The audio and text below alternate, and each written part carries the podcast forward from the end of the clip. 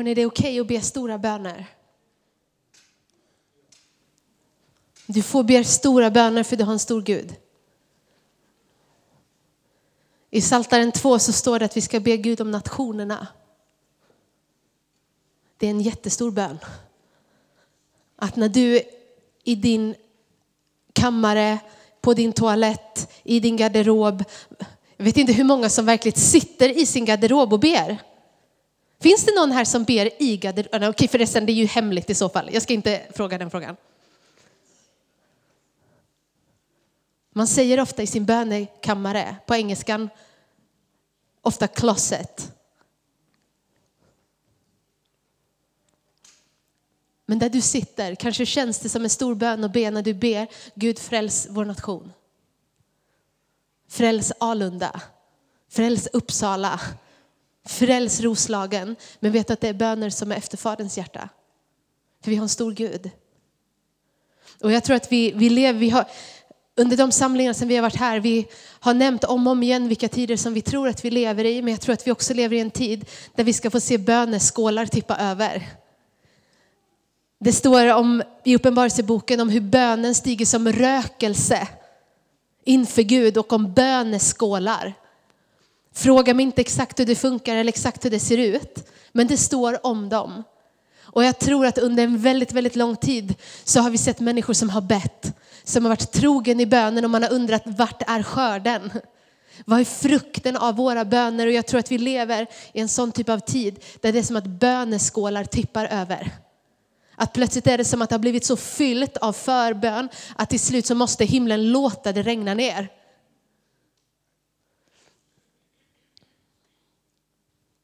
Så därför sluta inte be för de som ännu inte känner Jesus. När du tänker som jag har bett i 25 år, vet du till slut kommer de in. Till slut så kommer de till tro. Jag vet inte hur många vittnesbörd som jag har hört av människor som säger ungefär så här, min mamma bad för mig. Och till slut kunde jag inte stå emot. Och så fick de möta Jesus, gav de sina liv till Jesus. Sluta inte be. Tro aldrig att din bön har liten verkan.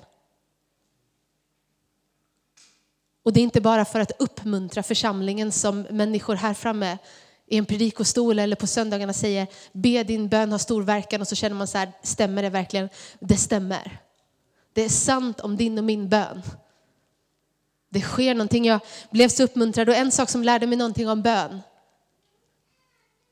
Det var för ett gäng år sedan så var det en, jag jobbade som ungdomsledare innan, det är ett gäng år sedan nu, ehm, så var det en av mina ungdomar då som skrev en bön till mig. Jag satt i bilen och hon skrev ett böneämne till mig och skrev ungefär så här, kan du bara be för mig för det här, det är lite jobbigt just nu. Jag kommer inte ihåg exakt vad formuleringen var. Och så satt jag i bilen eller om jag hade sett det innan, om jag satt i bilen och kollade på min mobil så offentligt bekänner jag min synd och omvänder mig.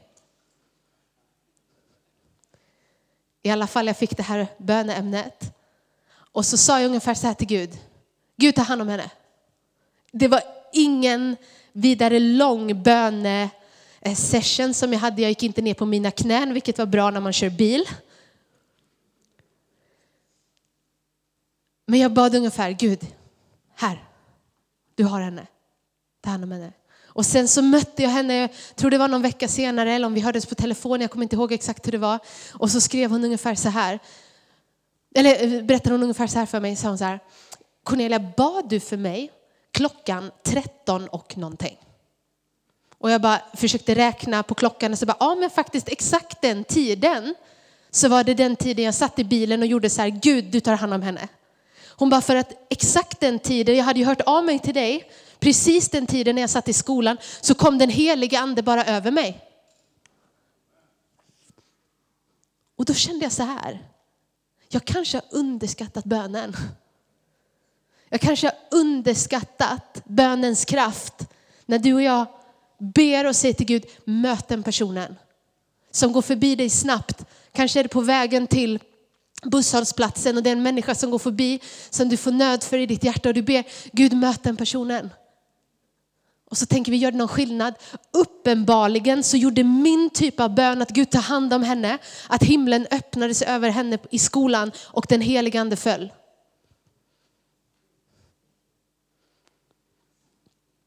Så be.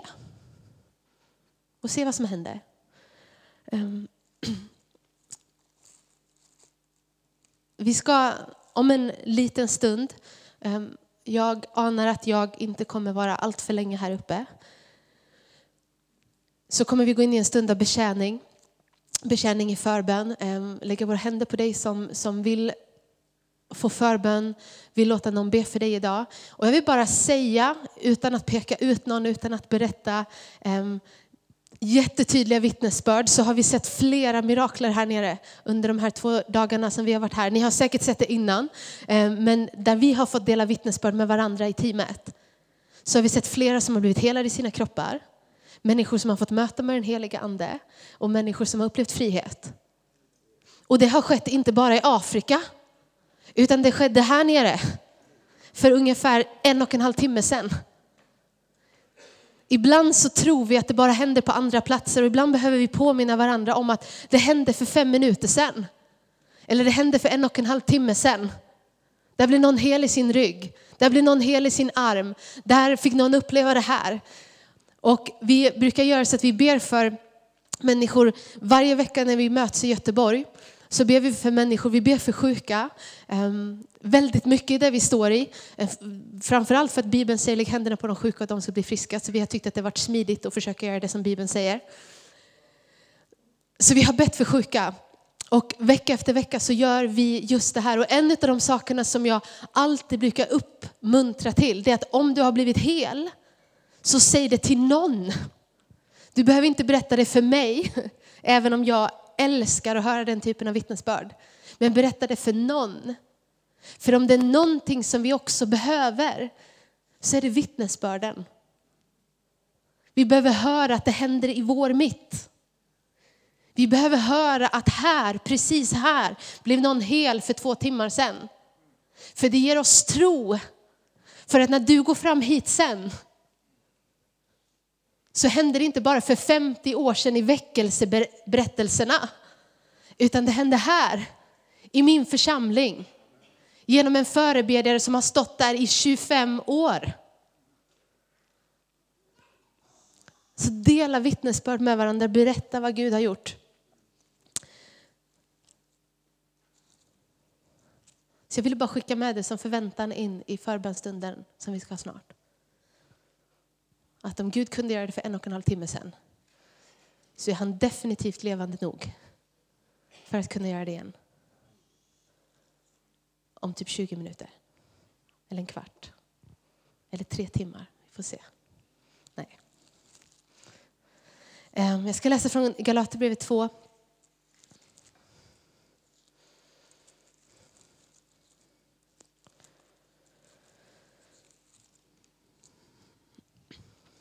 Och 19 till vers 21. Och det är Paulus som skriver så här. Galaterbrevet 2, vers 19. Sa jag 1? Det gör att det kräver lite mer av vår bibelläsning när man ska lista ut vart jag är. Det är inte lätt. Um, Okej. Okay kapitel 2, vers 19. Jag har genom lagen dött bort från lagen för att leva för Gud. Jag är korsfäst med Kristus och nu lever inte längre jag, utan Kristus lever i mig. Och det liv jag nu lever i min kropp, det lever jag i tron på Guds son som har älskat mig och utgett sig för mig. Jag förkastar inte Guds nåd, för om rättfärdigheten kunde nås genom lagen, då hade Kristus dött förgäves.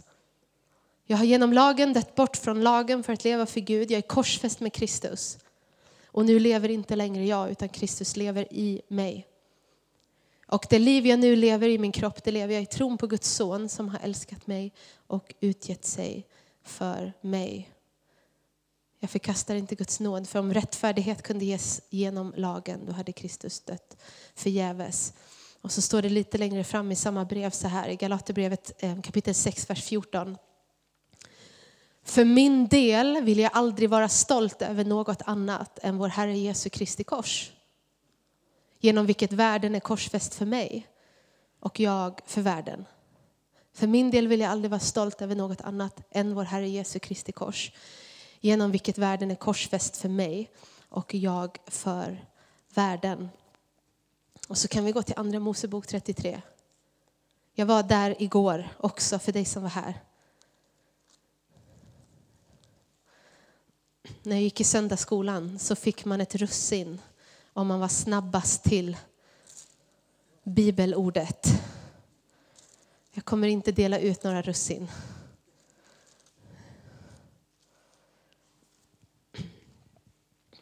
Andra Mosebok 33. Och det är Mose och Gud som har en, en konversation och jag läser från vers 12 fram till vers 17. Mose sa till Herren, se du säger till mig, led detta folk dit upp. Men du har inte låtit mig veta vem du vill sända med mig. Fastän du har sagt, jag känner dig vid namn och du har funnit nåd vid mina, för mina ögon. Om jag nu funnit nåd för dina ögon, så låt mig förstå dina vägar och lära känna dig. Så att jag finner nåd för dina ögon och tänk på att detta folk är ditt folk. Herren sa, min närvaro ska gå med dig och låta dig få ro. Han svarade, om din närvaro inte går med ska du inte alls låta oss dra upp härifrån. För hur skulle man kunna veta att jag och ditt folk har funnit nåd för dina ögon om inte genom att du går med oss så att jag och ditt folk utmärks bland alla andra folk på jorden. Herren svarade Mose, det du har begärt ska jag också göra. För du har funnit nåd för mina ögon och jag känner dig vid namn. Okej. Okay. Jag delade det igår om det här ordet som har berört mig, den här texten som vi precis läste. Jag återkommer till, till texten i Galaterbrevet där det står att Mose inför Gud uttrycker att om inte det är din närvaro som går med oss som folk, vad är det då som utmärker oss? Vad är det då som utmärker oss som Guds folk? Och det här ordet att vara ett utmärkt folk, alltså ett folk som utmärks. I den engelska, engelska översättningen av, av samma vers så används ordet att vara separated. Det är samma ord som vi återkommer till och pratar om att vara avskild. Att vara på engelska set apart. Det betyder ungefär så här. Att det som Paulus säger i Galaterbrevet 2, att nu lever inte längre jag. Utan Kristus lever i mig. Det, det, finns någonting som sker. Den dagen som en människa säger sitt ja till Jesus så kliver du in i att nu lever inte längre jag, utan Kristus lever i mig. Och när Jesus genom hans blod friköper dig, alltså räddar dig till honom själv, så finns det ett syfte för ditt liv som inte längre är att du lever för dig själv. Utan du lever för Kristus. Och hela ditt och mitt liv får vara en enda stor respons på att han har utgett sig för oss och älskat oss först. Allting av tillbedjan, allting av evangelisation, allt det som är av att tjäna Gud är grundläggande från platsen av ett liv som har sagt att här får du mitt liv tillbaka i respons på den kärleken som du har älskat mig med först.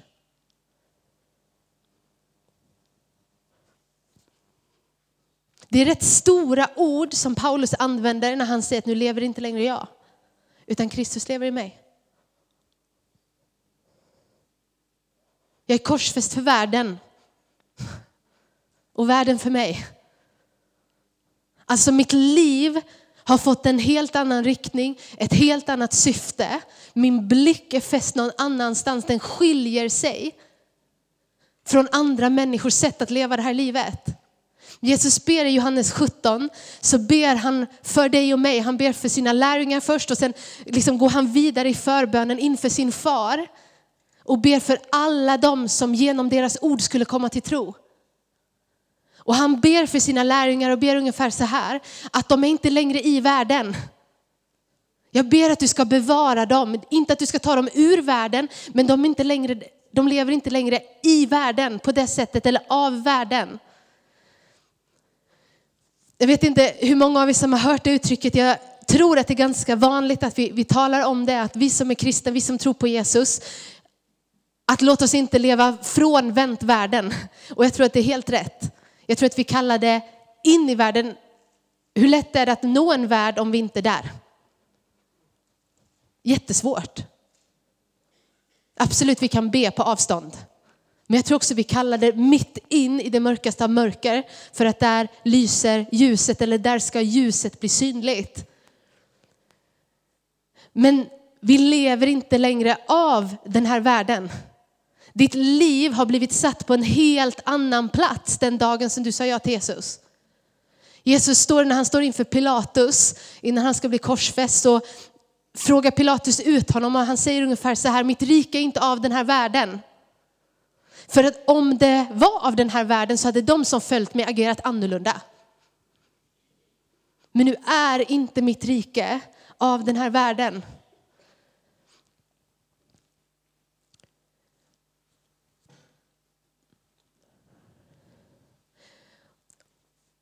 Och jag har en inbjudan inför ikväll. Det är ett ja till kompromisslös efterföljelse till Jesus Kristus. Som har friköpt ditt liv.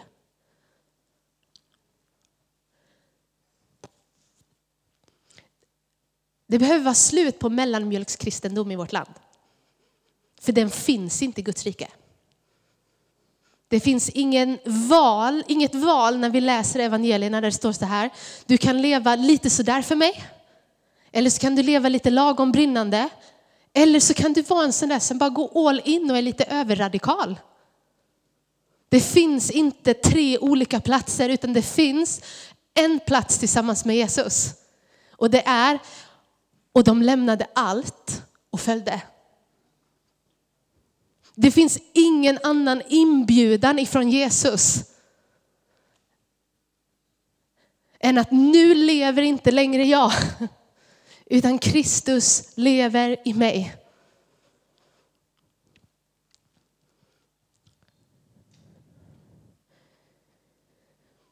Och det här är inte att lägga ytterligare ett ok. En sak som du och jag vi behöver börja förstå det är att verklig kompromisslös efterföljelse är det största livet i frihet du kan leva. Ibland så tror vi att ju mer kristen jag blir, desto mer bunden blir jag. Det hade varit väldigt märkligt när Jesus är friheten. Att ju mer du följer honom, desto mer bunden blir jag. Ditt liv får sitt verkliga syfte när allting i ditt liv får sin näring ifrån relationen till Jesus. Det finns en psalm som avslutas så här. Att under sång och dans ska man säga alla mina källor har jag i dig. Vad betyder det? Att allting i mitt liv, alla mina källor, allt det som är av olika områden i mitt liv vill jag ska få bli riktade emot att de har sin grund i dig, Gud. Att jag hämtar näring från människors bekräftelse. Jag vill hämta min, mitt behov av bekräftelse ifrån dig, ifrån din röst. Det jag lever för vad andra människor ska tycka och tänka om mig. Vet ni att det står i Guds ord att människofruktan är en snara? Vad spelar det för roll vad någon tycker om oss? Alltså förstå mig rätt, jag tror på att vara omtyckt om människor. Alltså, det är bra att människor gillar att vi är snälla. Men du lever inte för människors bekräftelse. Du lever för en röst och det är den dagen du kliver in i evigheten och han säger bra jobbat. Här är mitt rike. Här är det som jag har förberett för dig.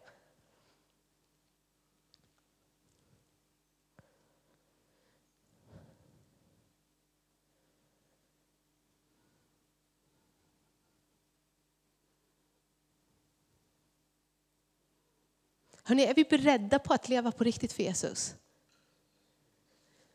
Kommer det kosta på? Ja. Så här är det, fakta just nu. Nu ska jag ge lite fakta.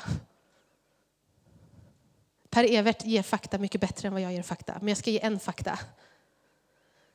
Och det är så här, vi lever i en tid där det kostar på att stå upp för Kristus. Är det värt det? Ja. För att klara av att stå upp i en värld som vill att du ska böja dig så behöver du verkligen leva med Jesus.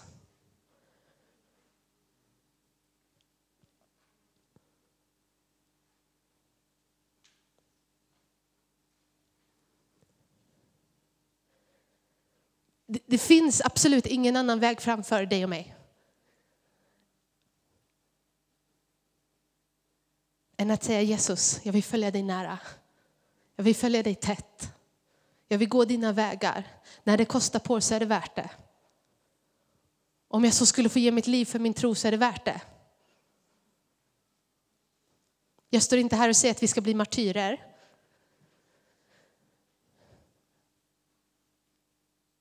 Men våra hjärtan, vart är de tillsammans med Gud?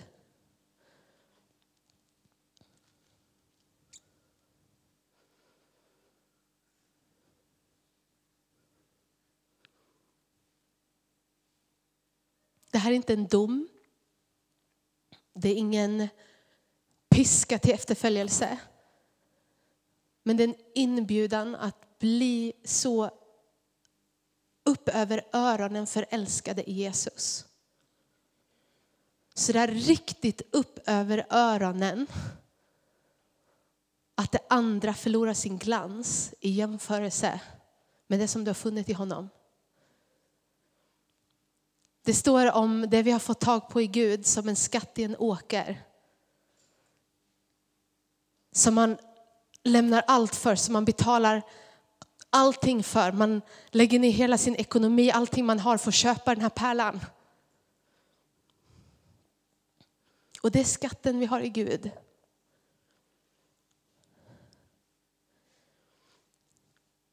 Och så här är det när det blåser mycket. Så här när det, jag är inte så lång. Det kanske ser ut så för jag står på en estrad. Men jag är bara 1,63. Det är en perfekt längd för det var så Gud ville ha mig. Ju hårdare det blåser så märker man att om inte grunden är stadig så börjar man gunga. Jag har ibland stått i sådana typer av situationer och min man är mycket längre än vad jag är. Mycket större där det mest naturliga är att kasta sig eller klamra fast vid någon annan för att man märker att nu blåser det så hårt så att det känns som att jag själv gungar med. Och just nu så lever vi i en tid där vinden, som inte är bara andens vind, även om jag vet att den tilltar, men där den tilltar ganska rejält. Och om inte din grund, om inte det du klamrar dig fast vid just nu är Kristus, så är det väldigt lätt hänt att steget lite så här, nej men det här gör väl ingenting. Och inte den här saken heller kanske. Och kanske inte den här saken heller. För att det trycker på.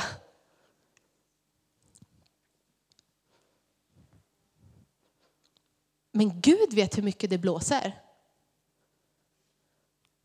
Det står i, i Esters bok så står det att hon var född för en tid som den här. Det betyder att alla som är i det här rummet är född för den här tiden. Det betyder att du också är utrustad för den här tiden. Om du finns i en skolmiljö där du är mobbad för din tro så vill vi dels be med dig, vi vill stå med dig. Men jag vill också säga en sak, det är att du är rustad ifrån himlen att leva mitt i den här tiden. Om du står på din arbetsplats och du har ingen aning om hur du i den här tiden kan leva för Jesus, vet du att du är rustad för att leva mitt i den här tiden. Gud kommer inte ge mindre rustning till sitt folk när tiden trycker på. Eller när det blir allvarligare i vår kontext, utan tvärtom så kommer han ge oss allt vi behöver. Det kommer inte sakna oss någonting.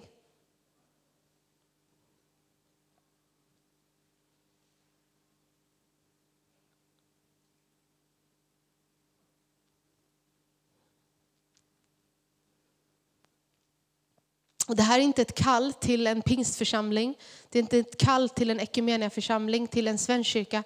Det är bara ett kall till Guds folk att leva riktigt, riktigt, riktigt, riktigt, riktigt, riktigt nära. Om vi ska kunna följa Gud genom den här tiden, men vi inte läser Bibeln, så har vi ingen aning vart vi ska gå. Om vi ska kunna följa Gud i den här tiden, men inte ta tid för att lära känna hans röst, så vet vi inte hur den låter när han vill leda oss framåt. Det står i Johannes 10 så står att fåren hör sin herdes röst. Och de följer honom dit han går. Och främlingars röst känner de inte igen. Du och jag kan få bli ett folk som är tränade i att höra Gud, så vi känner igen vart han leder. Kanske står du i en situation där du tänker så här, det här Gud eller det här Gud? Då är min övertygelse att det finns en plats där ditt öra kan få lära känna hans röst så att du inte går vilse. Så att du inte går fel.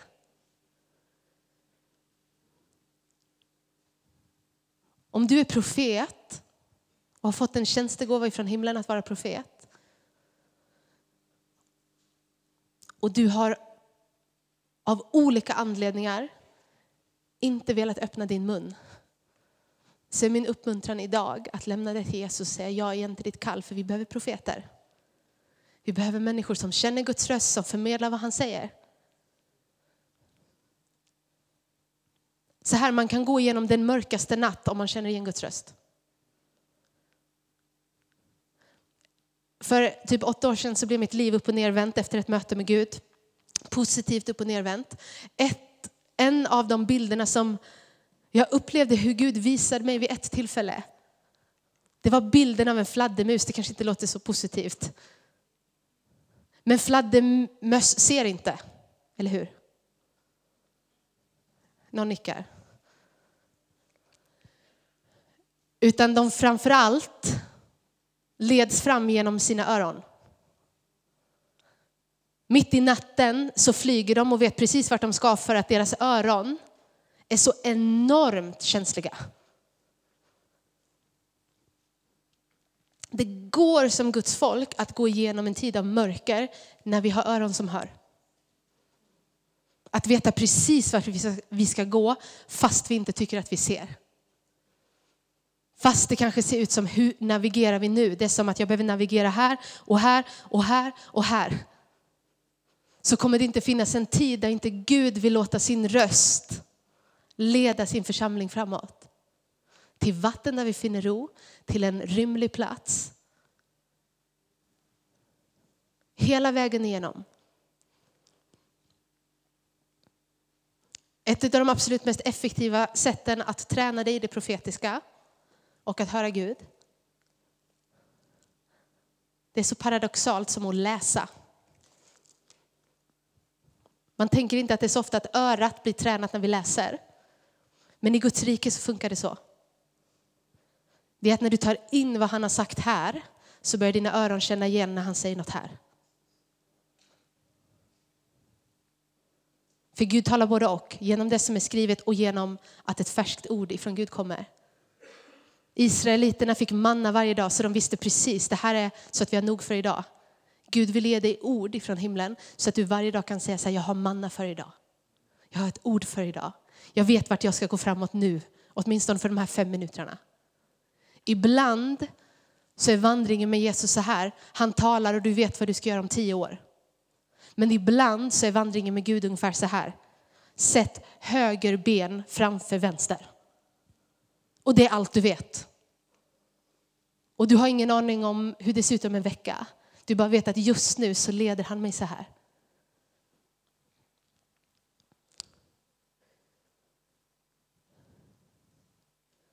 Många väckelser har börjat med bibelläsning. Jag tror det är bra. Jag tror det är jättebra. När du inte förstår vad du läser, läs det ändå. När du tycker det är tråkigt, läs det ändå. När du somnar i Bibeln, läs den ändå. Jag brukar ibland på kvällarna läsa från min mobil. Och flera gånger så har jag legat så här och läst. Och så vaknar jag av att jag får min iPhone i huvudet. Det är okej. Okay. Det är okej okay att somna och bli väckt av sin telefon för att du somnar och läste Bibeln. Men bara för att du somnar, sluta inte att läsa. Ibland så hör jag så här, men jag somnar ändå. Bästa sättet att somna till, till Guds ord. Så du vaknade upp i Guds ord också. Vi behöver jättemycket mer Bibel. Vi behöver andlig disciplin. Nu ska jag vara lite så här, vi behöver andlig disciplin. Andlig disciplin är inte lagiskhet, andlig disciplin bara hjälper oss att vi kan lära känna Gud. Det blir lagiskhet om du tänker att om jag inte läser min bibel idag så älskar inte Gud mig. Det är inte sant. För att hans kärlek över dig är konstant och det är nåd på nåd. Men för dig och mig som vill växa i relation till honom så kan det ibland vara så här att du klockan 12 mitt på dagen ställer ett alarm där det står läs bibeln. Och sen klockan 13 så står det igen på ditt alarm läs bibeln igen. Klockan 18 så står det be för din familj. Det behöver inte se ut så här men det är inte fel med andlig disciplin. När det syftar till att lära känna honom. Det var en mick. Det räcker med en för mig.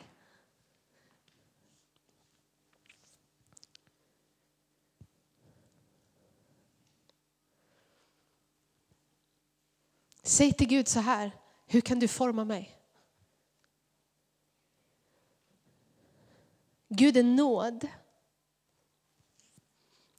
Och jag har sett folk leva i, i synd, bli förlåtna, bli fria från det som man har levt i, hamna tillbaka och gjort en resa där det har liksom varit en brottningskamp mellan saker som man är bunden av, saker som man brottas med. Och Guds nåd täcker, Guds nåd räcker. Om du finns här som känner skam över någonting när du tänker Guds nåd räcker inte för det här, det stämmer inte, Guds råd räcker. Den räcker, den räcker, den räcker. Den kommer räcka hela vägen ända in i evigheten. Har du en bekännelse på Jesus, den räcker ända in i evigheten. Punkt. Är du, har du sagt ditt ja till Jesus, du är frälst. Om fienden kommer och säger att du inte är frälst så är det inte sant. Du är frälst. Det räcker ända in i evigheten. Men bara för att det är nåd på nåd på nåd så innebär det inte att det inte finns en glädje i att bli så formad som det bara går. Så helgad som det bara går. Att leva så likt Jesus som det bara går.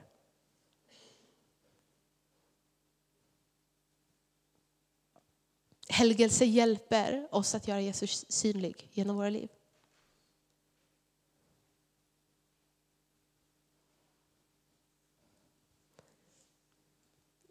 Vi har slutat prata om vissa ord som är synd, omvändelse, helgelse, bibelläsning.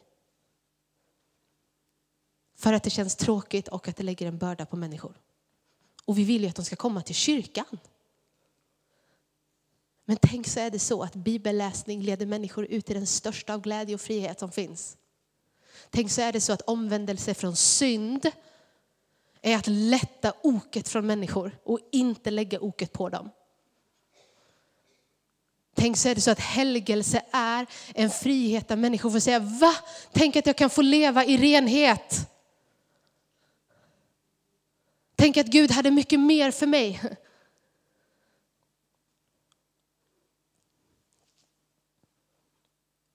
Vi får aldrig beröva det här evangeliet det som står där för att vi tror att det blir mer bekvämt. Det här är det bästa som finns. Det är den bästa vägen, det är den perfekta vägen. När Jesus säger följ mig och lämna allt så är det den bästa vägen.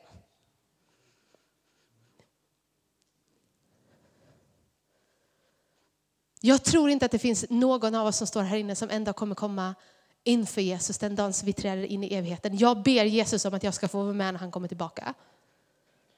Det är säkert många med mig i det här rummet som både gör det i smyg eller offentligt. Det hade varit jättehäftigt att se när hela himlen delar sig och Människosonen kommer på molnen. Vart häftigt. Men jag tror inte att det finns någon här inne som har valt att tro på Jesus som den dagen som du kliver in innanför portarna in i hans närhet som kommer säga till Jesus så här. Alltså jag ångrar mig att jag följde dig så mycket. Och jag ångrar att jag la så mycket tid i att söka ditt ansikte. Och jag ångrar att jag spenderade så mycket tid i bön. Jag tror inte någon av oss kommer säga de sakerna. Utan när vi kommer se honom en dag så kommer vi falla ner och vi kommer inse att jag förstod att du var värdig, men du är värdig. Jag anade att du var vacker, men du är mycket mer vacker.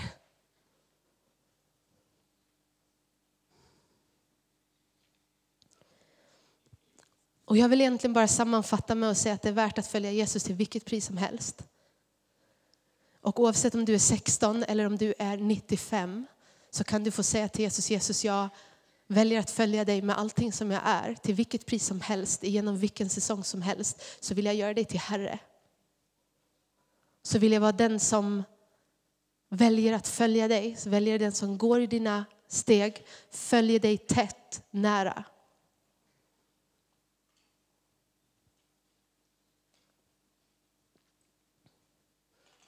Om du har synd i ditt liv så är min uppmuntran att vända om från den synden så slipper du ha den. Skönt va?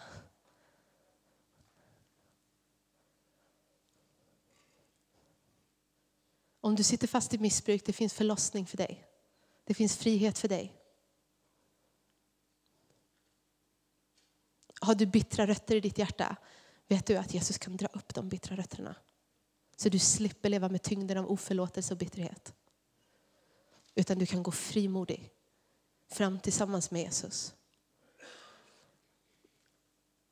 Och jag vill också bara säga någonting till dig som känner att jag är under 25. Det är ju inte en känsla utan det är något man är. Ville bara förtydliga det. Men du känner dig att jag är på den yngre skalan av åldrar här inne. Det här är min fulla övertygelse och vad jag anar att Gud gör i den här tiden. Att för dig som är ung, kanske är du 12, kanske är du 16, kanske är du 22. Att Gud gör ett verk i den unga generationen som inte innebär att den är exklusiv från vad han gör i andra generationer. Men jag tror att Gud gör ett verk i er som är unga. Som ett väldigt snabbt verk.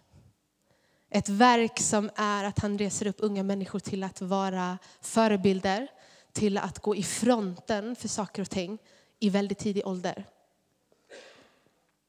Och jag vill säga till dig som är yngre att det finns ingen ålder som är för tidig ålder för att ge allting för Jesus. När jag var nio så övertalade jag min mamma till att låta döpa mig. Jag hade utpressning med min mamma. Jag låste in mig på ett rum och så gjorde jag en teckning och så skrev jag så här, jag kommer inte ut om jag inte får döpa mig. Min mamma var väldigt mån om att jag skulle veta vad jag gjorde. Det var inte att hon inte ville att jag skulle döpa mig eller följa Jesus, utan hon ville bara veta om att jag visste vad jag gjorde. Och jag är 100% övertygad att när jag var nio så visste jag vad jag gjorde. Jag hade inte vokabulär för allting, men jag hade mött Jesus. Och jag vägrade att komma ut från mitt rum om inte jag fick gå ner i dopgraven. En ung människa kan ha en erfarenhet av Gud som kan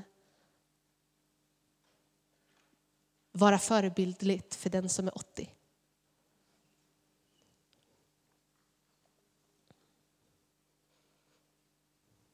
Så att om du är ung,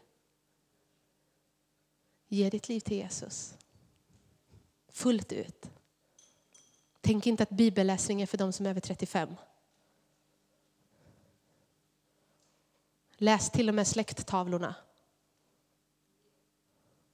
Kungaböckerna är jättetradiga ibland.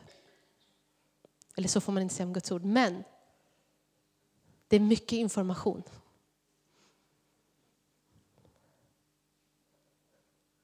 Läs dem ändå. Fyll dig med Guds ord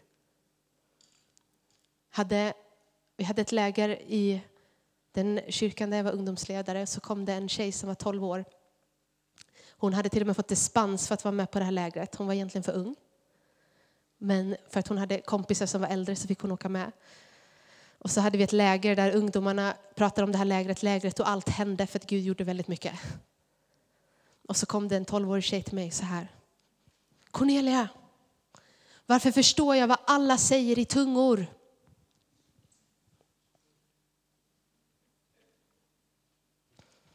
Ja, då ska vi se första Korintierbrevet 13. Där det står att det finns en gåva att tolka tungomål. Ingen av oss ledare hade någon gång undervisat om den gåvan. Vi hade kanske nämnt den i kontexten när vi pratade om andra gåvor. Men hon var tolv. Och hon sa till mig så här, Cornelia när du bad i tungor innan så pratade du om att Herren är din borg, han är vår frälsning, han är din sköld. Jag bara, snälla stå bredvid mig nästa gång jag är i tillbedjan. Hon var tolv. Hon visste inte ens att det fanns en gåva att förstå vad någon sa i tungomål. Men den heligande gjorde vad han ville och förlöste den typen av gåvor. Och jag vill bara säga till dig som är ung,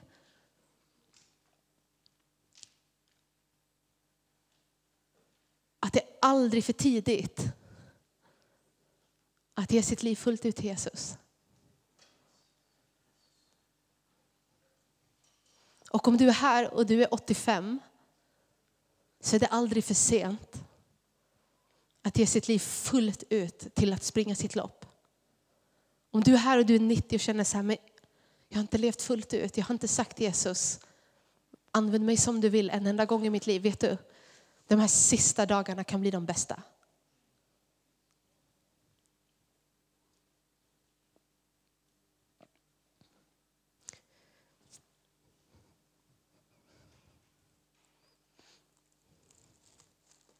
Vi har ett kall att leva för Jesus.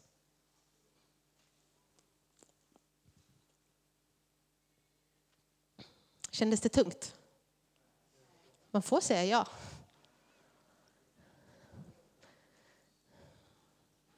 Vi åker ändå härifrån om ett tag. Nej, jag skojar.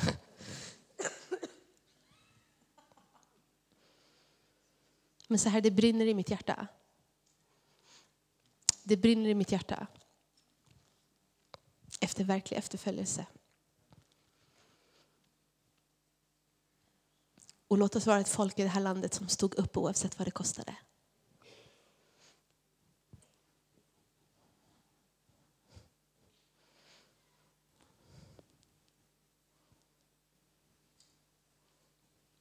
Det står i Guds ord att vi springer inte för en krans som vissnar, utan för en som aldrig vissnar. Slut.